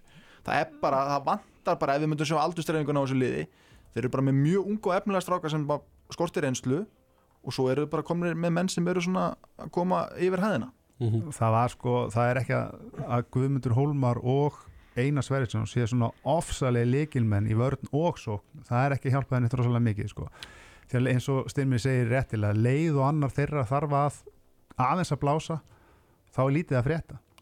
Það væri gott að eiga nokkuð tæmarspjöld nokkuð timeout spjöld og Klukkan klikki Já, það, það geti hjálpað þeim svolítið mikið að klukka myndi klika.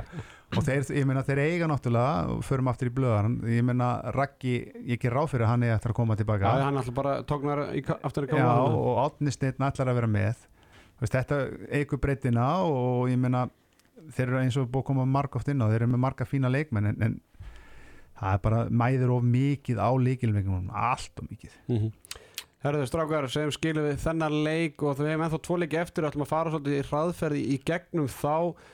Uh, á Ísafjörði mættust Hörður og, og, og Káa þar sem að Káa hafi sigur með fjórum mörgum 31-27 byrjun harðar náttúrulega bara alls ekki bóðleg annan leikin í, í röð og það er náttúrulega bara svona líkillana því. Nú náttúrulega bara tala við ykkur Var harðar klukkan í lægi? klukkan var í lægi, eh, vel stendur fyrir leik. En svo bara gerist eitthvað, þú veist að slakna á grillinu úti eða eitthvað. En bara leikmenn harðar, ég ætla nú ekki að segja þetta á, á, á spænsku eða brasilísku eða hvað sem er. En það er líkillinn að því að ná í úrslit þegar nýlið þú verður að byrja leikinu þú verður að valda smá usla og óþægindum fyrir anstæðingana og þeir hafa alls ekki verið að gera það. Þannig að það er náttúrulega bara leikurinn er farin hann bara í upphafi leiks. Benni, þrjú fjör orð bara um þennan leik bæði, fyrir sko, bæði lið ég ætla að gera það sama stimmi gerða og nú klappa sjálfum mér á, á ríkalega breytt bakið. Uh, þegar ég saði við fyrir leik að þessi leikmenn að fara að mæta einar rafn eðsinni í fyrsta skipti. Það eru nokkri leikmenn í sér að deilt að mæta þeim fyrsta skipti, ég get hugsað um Magnús Óla til dæmis, Ben Óskars og eitthvað svona þetta er margt rauðvögla að spila við það og hefur aldrei spilað við það áður, hefur ekki séð hreyfingarna þeirra eða hvernig er hugsað handbólta hann skarða bara eins og gamlan ost sko. Sundur og saman sko. Hann var allt sem gerðist í Káa var bara ein rafn eðsson, hann skoraði hvað, eitthvað 9-10 mörg uh, gaf 12 sendingar sem hefði gett endað í Mm. marki uh, 8 er að enduðu sem marki. Hann er að koma að beint að 17 mörgum í þessum leik. Og þú veist, Káa, menn voru eitthvað að tala um að þetta væri svona leikur sem hörður gæti jafnvel stólið ég fór að hugsa þetta fyrir leik uff, hvaða lið á landinu er ekki neinu vandræð með að ferðast okkur svona skrifnastæði Káa, ger ekkert annað allan tíma mm. getur þú lamið káa til hliðinni? Nei, með Raka Njáls og þessa, bú, þessi búntu allarna? Nei, eru þið með stemmingslösa þjálfara? Nei, veistu, svo fyrir utan það eru þið með þrjá, fjóra klárlega bestu leikmannum á vellinum alltaf inn á öllum stundum á móti herði, þannig að veist, þetta var alltaf út í sig fyrir mig, alltaf Styrmir, það er í er hörður í næstum fyrir Já, hvernig fer það? ég er að vinna. Það er bara svo leis Já, ég er bara sammála því. bara, þú veist og eins og var komið inn á í setnibilginni gær þessi leikur kom bara alltaf snemma á árinu tíambilinu fyrir hörð. Og í í er hörður þá sennilega líka? Já, ég eiginlega, þú veist já, absolutt. Og bara eins og staðin í dag finnst mér bara hörður vera slakasta liði í deildinni. Við vorum búin að, þú veist, svona gáum okkur það að þeir eru kannski í 11. sæta sem þeir eru unnun og grilliði fyrir að mér bara, þeir eiga bara hrikalega langt í land og eins og ég grínaðist nú með þarna í spjallinu okkar að þeir minna mig stundum á sjálfa mig í golfinu skilur þú veist, að, ég, þú veist þeir eru með þetta allt annað en þetta gerist bara alltaf sjaldan inn á vellinu sko. þú, veist, það, þú, veist, þú sérð alveg glimpsur þú veist, já, herru, ok, herru, þið geta alveg spila saman Það er svolítið í glompuna Já, þeir, nei, menna, þú veist, það kom alveg sókn eftir sókn, það sem er bara svona, herri, ok já, það er alveg menn sem að kunna handbólta og þeir geta eitthvað hana, en svo er þetta bara allir í drippli, einn og einn að reyna að búa til eitthvað fyrir sjálfan sig og fá fríkast á sig, veist, hvað, ég er endar ekki búin að fletta þessum statik sjálfur upp, en þú veist, hvað það er svo létt einhvern veginn að brjóta niður sóknuleikin hjá þeim að þeir eru allir bara með hausin niður í reyna að gera eitthvað fyrir sjálfan sig.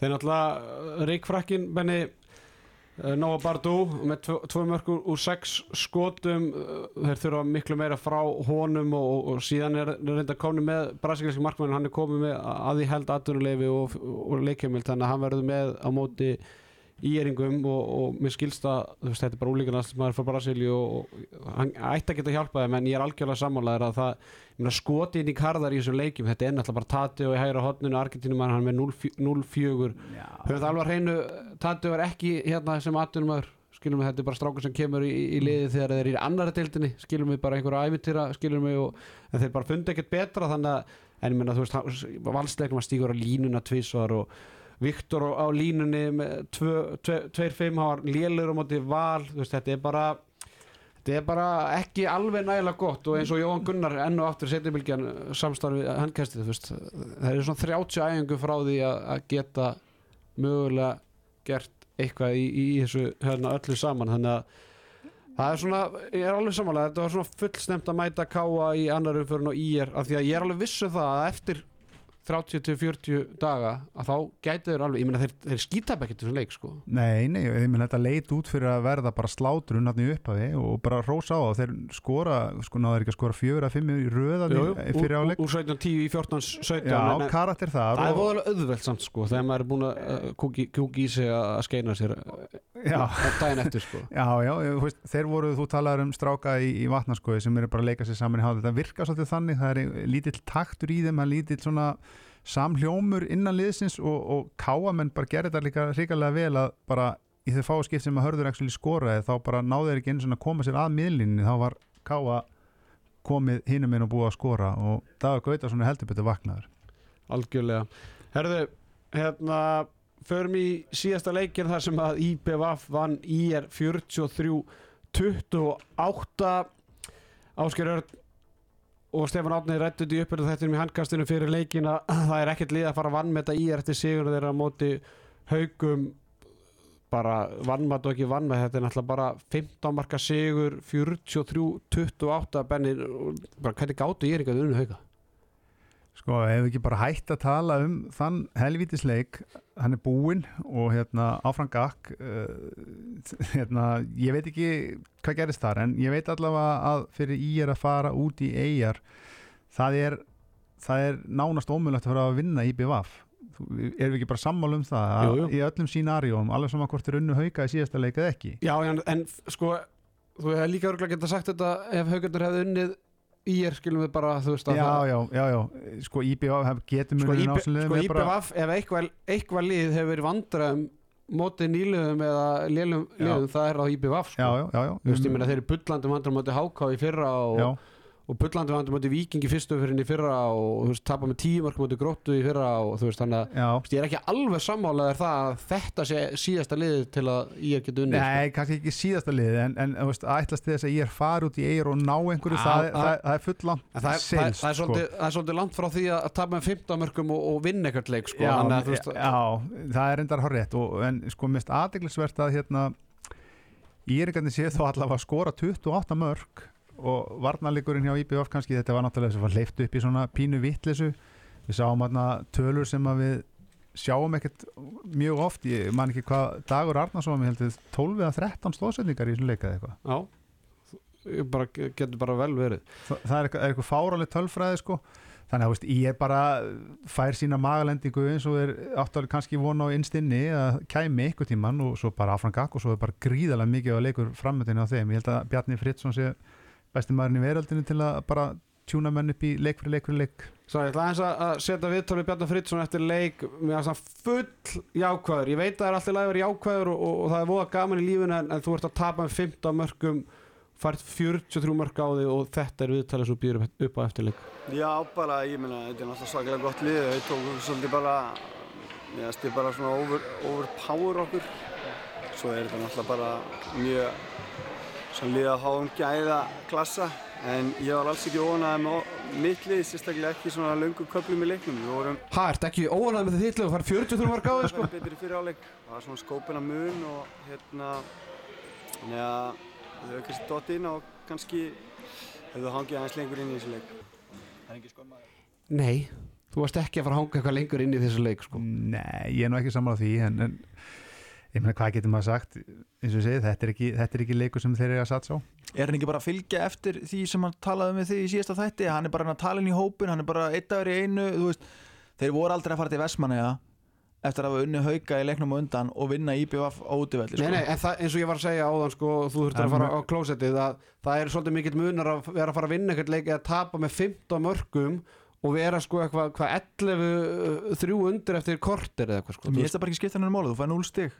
Þú veist, tapað þá bara með 15 mörgum og bara... Boring. Nei, og þú veist, sjáum bara næsta leik. Það, Nei, er, það er leikur sem skiptir máli. Ég meina, ef þú ert að einbetta þér að spila mennsku og eitthvað svona kæfta og framþróna liðinu þá skiptir máli hvort þú tapir með 15 mörgum eða 3 mörgum. Bara leið mér að tala af reynslu hérna sko. Já, já, ég veist, ætla ekki að það- fara... En þú veist, ég segja, þú veist, þeir, þeir eru að satsa á næsta leik.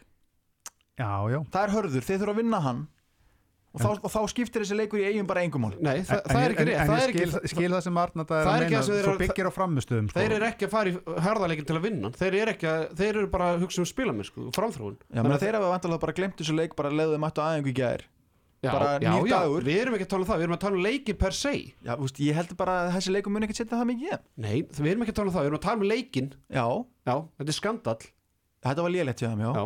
En það er bara, en IBF eru bara tíu mörgum betri en þeir Já, í, í, í en, handbólta. en 15 Já, þú veist, bara þeir, veist, þeir hittu bara daginn sinn. Ok. Fleiri klísjur eða?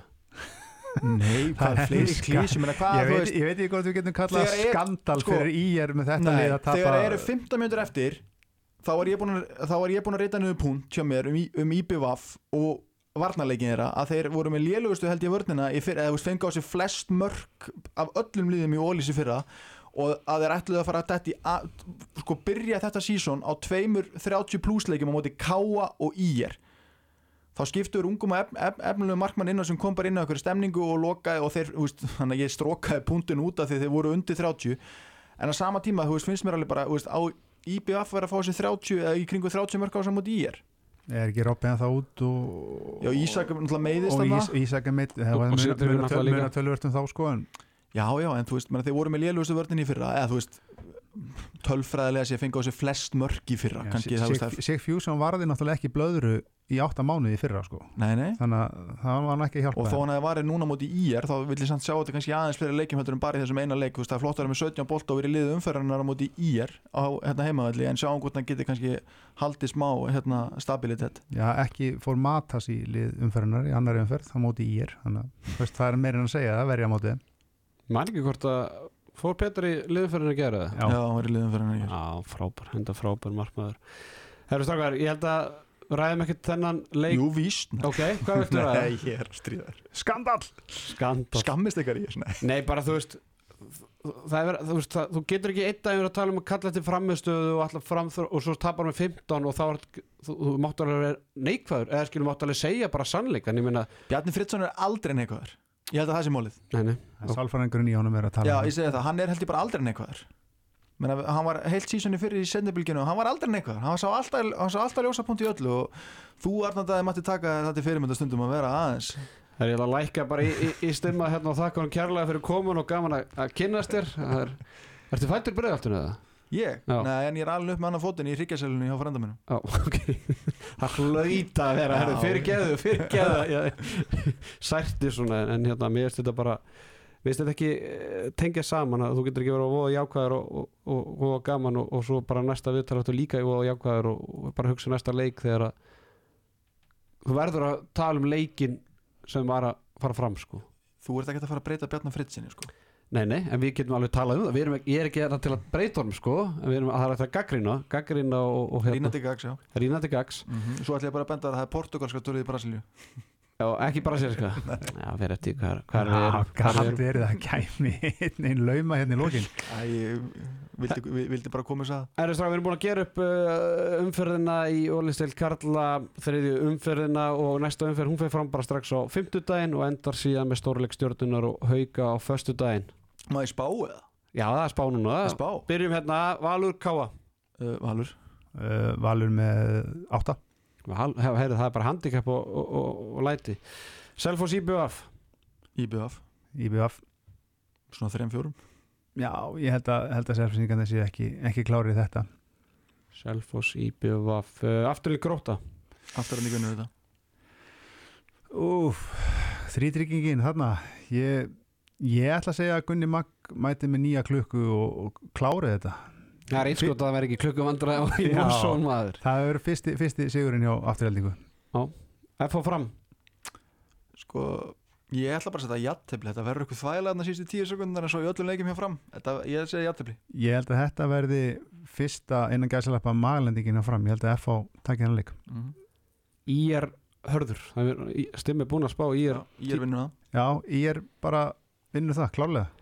Ég var aðna, the, the Massacre á móti, móti haugum og, og trúðu mér að hérna, Þetta er svona 11. september Þú manst Já, ég mann hvar ég var stattur Alltaf svona fram í miðan fyrirleik þannig að ég rauk út rauður, rauður í framann en hérna ég held að hérna, þetta fjölþjóða lið, harðari eftir að mæta nokkra ræfingar áður en að slípa sér betur saman. Ég held að ég er klárið þetta. Og síðan er það Súkulega bytta slagurinn Snikkið sem átti Bounty. Konfettleikurinn stjarnan haukar Stróðfyllir í mýri. Ég veit að Bounty á þeirra að setja stjórnum sig bara svona til þess að þú veist létta pressun á sína menn og ég Nei, ég ekki vera bíddu, Ég. Ég ég set stjórnum sigur Já, ég er leiðilegt að gera það sko. Ég skulum hafa það í huga stjarnan er með ótrúlega velmanna lið og og haukar gæti alveg unnið Já, haukar gæti, en auðvitað getur þetta farið svona, taka mækarn á þetta Nei, ég, ég hérna ég með það sem ég sá á ásöllum og með það ég held að Patti hljóti að trekja sína menningang og stjarnan er einhvern veginn alltaf góður á Mhm. móti haukum þetta verður hörku leikur en ég held að stjarnan því miður merji þetta með einu tveimörkum Verður þú í setti, Arnóndaði? Eftir enn leik, þetta er förstasleikur eða ekki? Jú, jú, ég og Ponsson erum í setti, Mm -hmm. eitt sett saman. Eitt set. Já, já, ekki spurning. Strákar, hérna, takk ég alveg fyrir komuna. Við erum að tala um 73 mínútur af eðal efni en við erum hverginari hættir. Við ætlum aðeins að fjalla um uh, grill 66 deildina. Naflinn sjálfur Andri Már Eggertsson hann, hann er mættur í, í hús Þjóðvegur 66 Fjallæg síndist Fjöllin er að blá. Fundu hvorki sjálfa sinni Eitthvað sem þau frá Á þjóðvegi 66 Ó, þjóðvegi 66 Manneskjur og flótta Allstað á ferði gegnum New York og Disneyland Og nýðar þessi með Allir beigðu vestur Í sömu á Sátu upp á plassinu Það hafði engin hátt. Já, uh, Andri Már Eggertsson, ertu hjartalega velkomin í, í handkasti, þú ert okkar, já, einn af okkar aðal sérfræðingum um Grill 66 deildana sem fór fram í, í gær.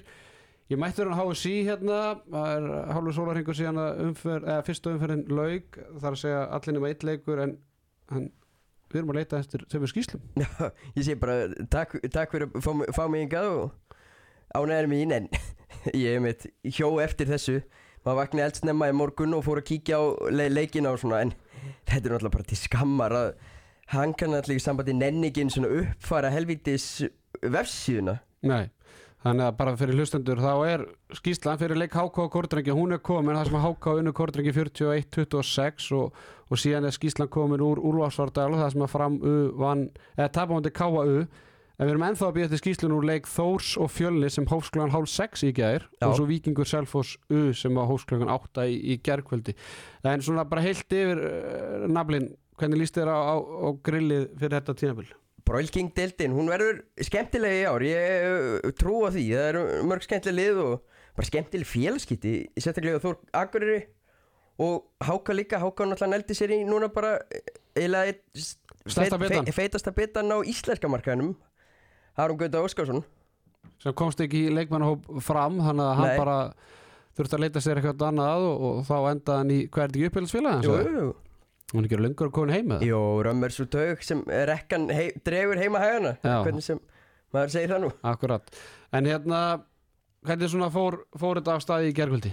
Herru, ég fór, fór í kórin á Háka Kortrengi og eins og þú komst inn á, hann endaði 41-26 og e, það er náttúrulega verið mikið í fréttum að Kortrengirnir þeir og, voru í lausu lofti hvort þeir fengu húsnæði og allt þetta en ef þeir ætla að vera þessi fjósaklúpur sem þeir mættu í kórin þá verður það bara gjör svo vel að gefa það út því þetta var í rauninu bara deildinni og til, skammar.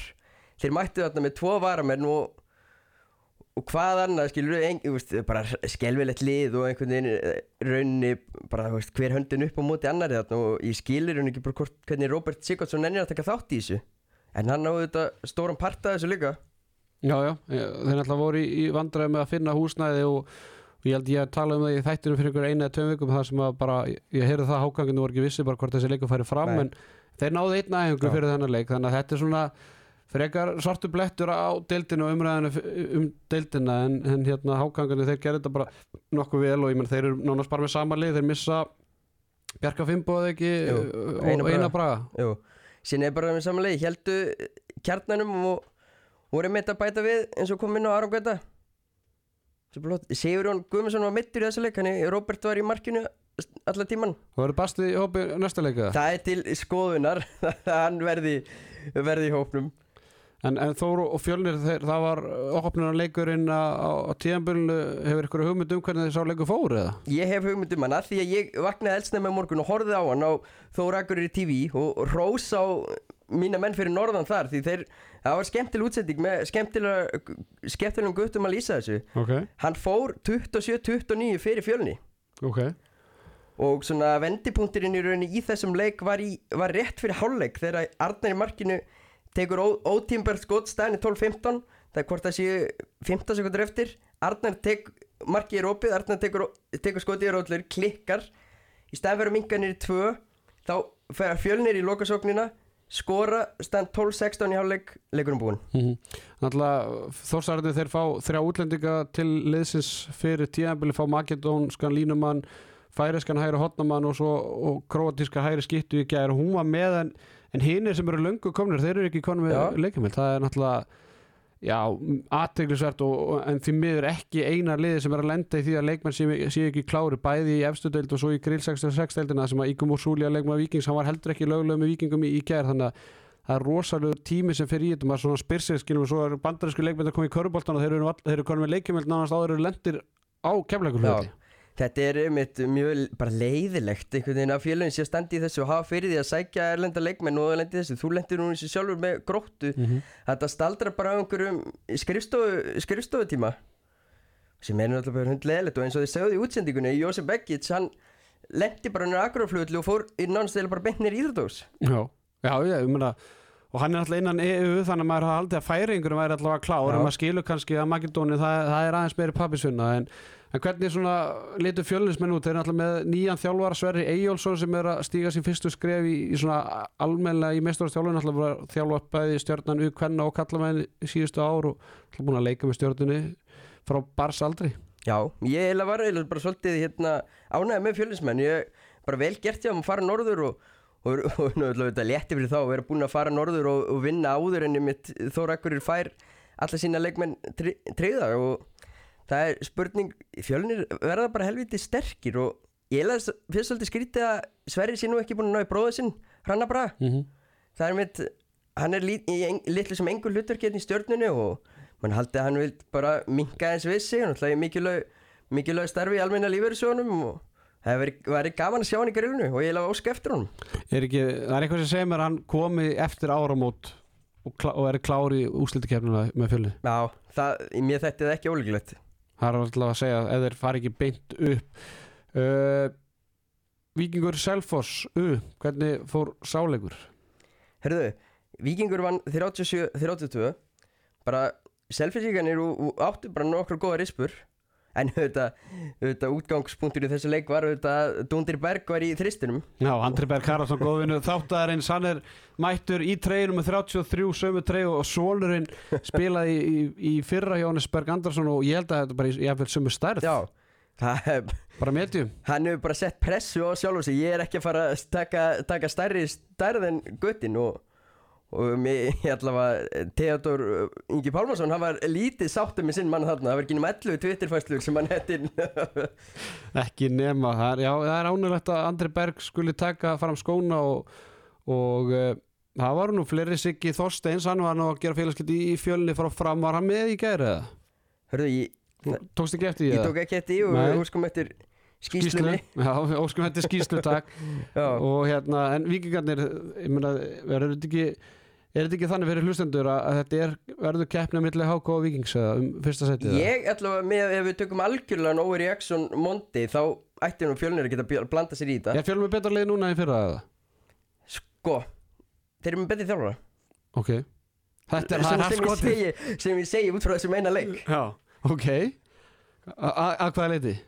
Ég einhvern veginn held bara að Sverrir einhvern veginn kemur bara kaldur inn í þetta og náði svolítið fá menn meira með sér í þetta og hvort þetta hefur verið svolítið flatt í fjölni í fyrra Síðasti leikurinn sem er uh, búinn í þessar umferðar fram U K.A.U. sem að ég- HSI vann K.A.U. þryggja marka sigur 30-27 Já, það er með þessi bara auðlis slagurinn og þú, þú vakti nú aðtekli á þessum auðlis liðum og nú á Twitter í gær Já, já, þetta er ómörg lið í auðlist lið í deildin en ég minna þú veist það, það er ekki að, hérna þú veist það er ekki launingum ála þessi liður er vel skipi, ég minna Reynir Þór Stefánsson hann er markaðastur hérna með Já. 8 mörg og Eidur Rapp Valsson með, með 7 mörg það er strákar sem að byrja bara í- að hóttunni í ólisteldin í fyrstu umfyrinni þeir eru með Arnó Mána í markinu sem hefur verið að standa vaktina í, í hérna hjá þeim í ólisteldinni, ég meina hjá Káa markaðastur þar var uh, Dagrotni Heimisson, breytnið efnilegasti leikmaður á, á landinu með 6 mörg þetta er strákur sem er að fá mínútur í ólisteldinni þannig að það er ekki ég áttum alveg á því að þetta styrkir deildina, Já, og það mig. er betra fyrir félögin eins og HK og fjölni og þessi lið að vera að mæta allavega þessum fram K og liðum heldur en til dæmis nokkuð tíma kórdrengjum. Algjörlega það, gerir ekkert fyrir framþróuna í handbóltanum að vera að spila mútið svona liði Nei, nei, en það er svona eina sem að, maður spyr sig er náttúrulega þessi, uh, uh, þessi hérna, úrslitakeppni sem framöndan er og það er bara að vita hvaða lið nánast fara í Já. úrslitakeppnina skiljum eftir þrjá, fjóra, fimm umfyrir þá er bara að vita hvaða lið er ekki að fara að vinna deildina og, þá er bara strax fara að undirbúa sig Mm. fyrir úrslitakeppnina það er svona, það er mesta syndin yfir í, þessu öllu saman en, Ég var reyndar með eina hugmynd með það að hafa bara eitt einvið, bara annað annað það er bara tvö lið mætast í úslitkefni og sjöleik, sjöleika serja sér of- best of seven Já, ok, og bara spila fram á Vestlumhelgi og bara úrslitaleikum Nei, bara í, í höllinni bara þetta er bara þetta er bara svo í körfunni, það er bara best of, best of seven Já. bara undan að vinna fjóra Já, já þannig það var allavega eitthvað lið sem sittur á hakanum Já, ég er með aðra, þú veist, sem ég nefndi hérna, ég vil bara 11. sæti fara bara í leikum á öðru sætinu, Já, bara beint í þannig fórkefni, þannig að en það viltu ekki frekar ellet sæti farið þá í eitthvað umspil með hinnum Nei, bara, þú veist, það er bara meira undir allt tímabili að þú verður bara náus öðru sæti Já. ef þú ætlar að koma öðru upp, þú getur ekki verið að býða bara eftir, Já. ég meina, þú veist, kórdrengir á